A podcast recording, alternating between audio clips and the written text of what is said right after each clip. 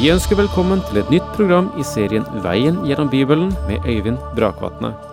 Denne studieserien er produsert av P7 Kristen Riksradio og bygger på serien Through the Bible av Vernon McGee. I dag fortsetter vi med gjennomgangen av andre Mosebok.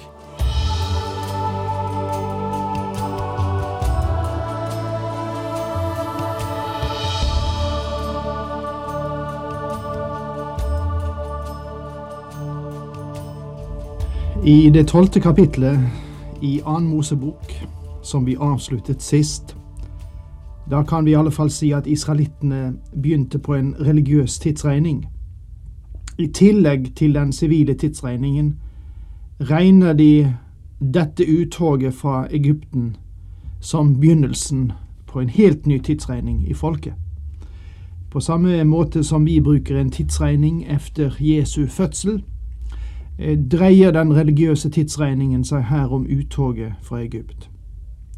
Eh, og i det tolvte kapitlet finner vi dette viktige at påskefesten blir innstiftet. Det gis ritualer for eh, påskefesten og for påskefeiringen. Og så finner da selve uttoget sted.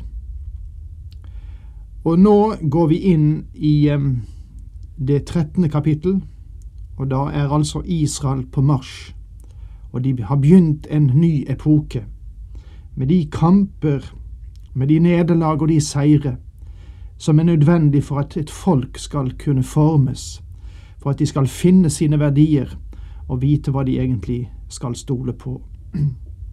Temaet i det trettende kapittel dreier seg om først at den førstefødte blant israelittene skal være innviet til Gud, Påskens minnemåltid holdes. Videre skjer det at det førstefødte av dyrene skilles ut. Israelittene forlater Egypt og kommer nå til Etam. Og så finner vi dette fine stykket som forteller at Gud leder Israel ved en skystøtte om dagen og en ildstøtte om natten. Israel forlater nå Egypt og beveger seg mot Rødehavet. Og så står det i 2. Mosebok, kapittel 13, fra vers 1 slik. Herren sa til Moses, Du skal hellige alle førstefødte til meg.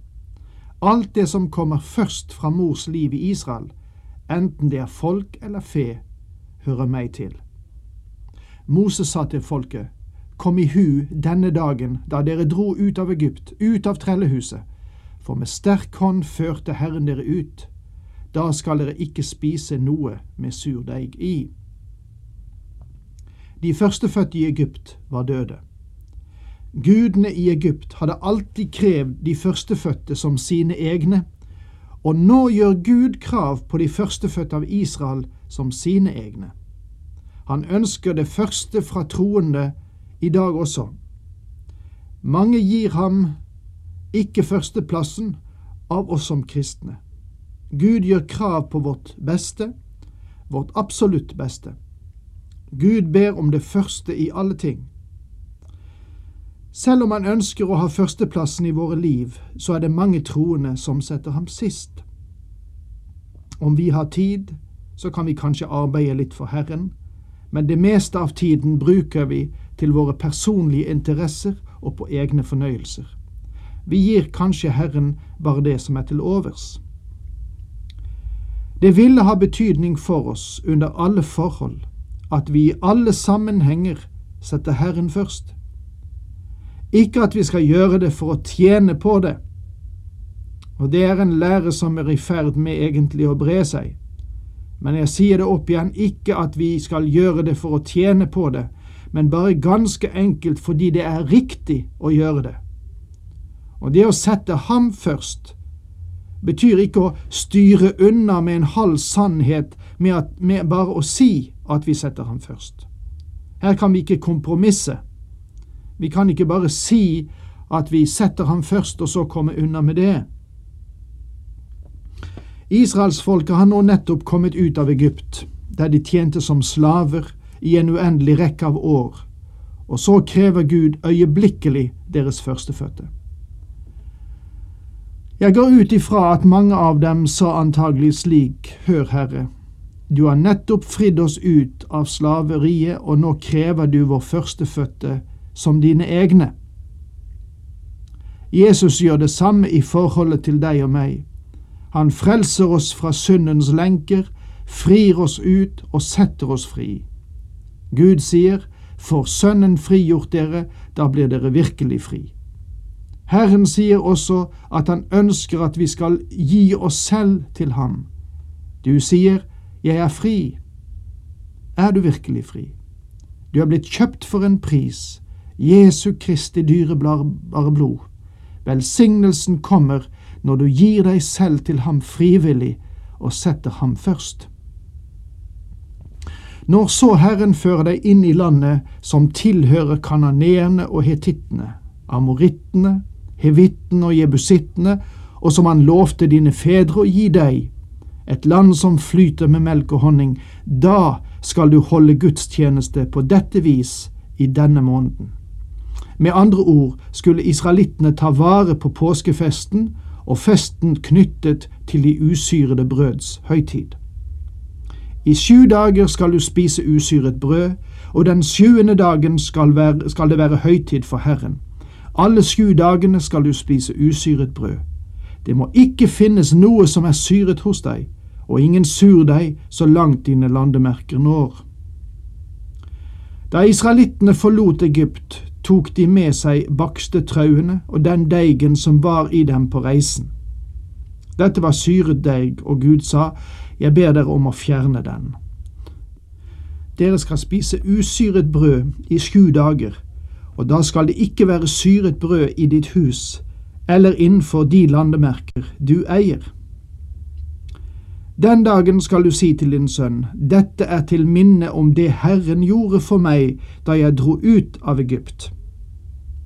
Denne høytiden skulle altså feires fra den ene generasjonen til den andre, slik at folket alltid ville huske at Gud fridde dem ut av Egyptens land. Det skal være et merke for deg på hånden og et minnetegn på pannen, så Herrens lov kan være på dine lepper. For med sterk hånd førte Herren deg ut av Egypt. Så skal du hvert år og til fastsatt tid gjøre det denne loven krever. Når Herren har ført deg inn i Kanaan som han lovte deg og fedrene dine, og gir deg det, da skal du bære fram for ham alt det som kommer først fra mors liv. Alt det første som fødes i buskapen din, og som er av hannkjønn, hører Herren til. Det førstefødte av alt kveget som tilhørte Israel, tilhørte Herren. Det første følget som eselet får, skal du løse ut med et lam eller kje. Løser du det ikke, skal du bryte nakken på det. Hvert førstefødt guttebarn i slekten din skal du løse ut. Hver førstefødte eselfole skulle løses ut med et lam. Gud aksepterte ikke ett av disse dyrene som et offer. Offeret skulle være et lam. Og hver førstefødte av hannkjønn av barna deres skulle løses ut, som vi senere skal se, med sølv. Sølv var forsoningsverdien. Og når din sønn siden spør deg hva dette betyr, skal du svare, med sterk hånd førte Herren oss ut av Egypt, ut av trellehuset. Da farao gjorde seg hard og ikke ville la oss fare, slo Herren i hjel alle førstefødte i Egypt, både av folk og fe. Derfor ofrer jeg til Herren alle hanndyr som kommer først fra mors liv, men hver førstefødt sønn løser jeg ut. Dette skulle minne Israel om at Gud fridde dem ut av Egypt. Deres førstefødte av guttene skulle løses ut med sølv. Det sies i første Peter 1, versene 18 til 19 slik. Dere vet at det ikke var med forgjengelige ting, med sølv eller gull dere ble kjøpt fri fra det tomme liv dere arvet fra fedrene. Det var med Kristi dyrebare blod, blodet av et lam uten feil og lyte. Da farao hadde gitt folket lov til å fare, førte Gud dem ikke den veien som går til filisterlandet, enda det var den nærmeste. For Gud tenkte at de kunne komme til å angre seg når de møtte ufred, og vende tilbake til Egypt. Israelittene var nettopp kommet ut av slaveriet, og de var ikke forberedt på å føre krig. Den korteste veien for dem til det landet Gud hadde gitt dem, var å følge kysten. Under seksdagerskrigen i 1967 dro israelittene kystveien og drev egypterne ut. Nå hadde israelittene både tanks og fly å gjøre det med, de var forberedt. Men de israelittene som kom fra det egyptiske slaveriet, hadde ingen våpen å kjempe med, så i sin nåde førte Gud dem gjennom ørkenen. Det var en lengre strekning, men det ville spare dem for krig. De trengte ikke nå å møte noen fiender før de kom inn i landet. Det tok dem 40 år å komme gjennom ørkenen og inn i løftets land. Men ved den tid hadde de en armé, og de var vel rustet, noe som vi senere skal se. Noen kan vel innvende, men Gud kunne vel ha fridd dem gjennom å gripe inn ved et under? Ja, det er sant men denne innstillingen gjør meg delvis syk. Noen kristne mener at Gud burde gjøre et under for dem hvert minutt. De føler at de har rett til å kreve av Herren at Han skal gripe inn på deres vegne, samme hvilke vanskeligheter som kommer i deres vei. Og det er ikke et spørsmål om at han har evne til å gripe inn. Det kan han nok. Det er heller et spørsmål om måten Gud ønsker å gjøre det på. Han følger en plan, og når det er nødvendig, griper Gud inn på sin underfulle måte, men bare for å fremme sin vilje og vei i våre liv. Gud kunne ha ført Israel gjennom filisterlandet ved et under. Hadde de blitt angrepet, kunne Gud ha utfridd dem. Når det er nødvendig, er Gud beredt til å gjøre sine undere men bare for å oppnå det han vil. Men, mine venner, er det egentlig, og merk deg det, er det egentlig motgangen som ødelegger et folk og dets vilje til å leve, eller er det medgangen? Ja, det er nesten som vi burde ta en pause og tenke oss om, men vi vet også svaret. Og derfor lot han dem gjøre en omvei og gå gjennom ørkenen mot Sivsjøen. Så dro israelittene fullt rustet ut av Egypt. Ordet rustet er et interessant ord. Det betyr at Israel forlot Egypt på en ryddig og ordentlig måte. De kom seg ikke ut av landet hulter til bulter, men etter et organisert mønster. De hadde ingen armé, men eh, de marsjerte av gårde fem i rekken. Hadde du sett dem dra gjennom ørkenen, ville du ha sett et meget ryddig tog. Moses tok Josefs ben med seg, for Josef hadde tatt en ed av israelittene og sagt, Gud skal ta seg av dere, og da skal dere føre mine ben med dere herfra. Ja, dette knytter an til Israels første tid i Egypt og det vil vi vende tilbake til, men nå er vår tid ute, og jeg må si takk for i dag, og Herren med deg.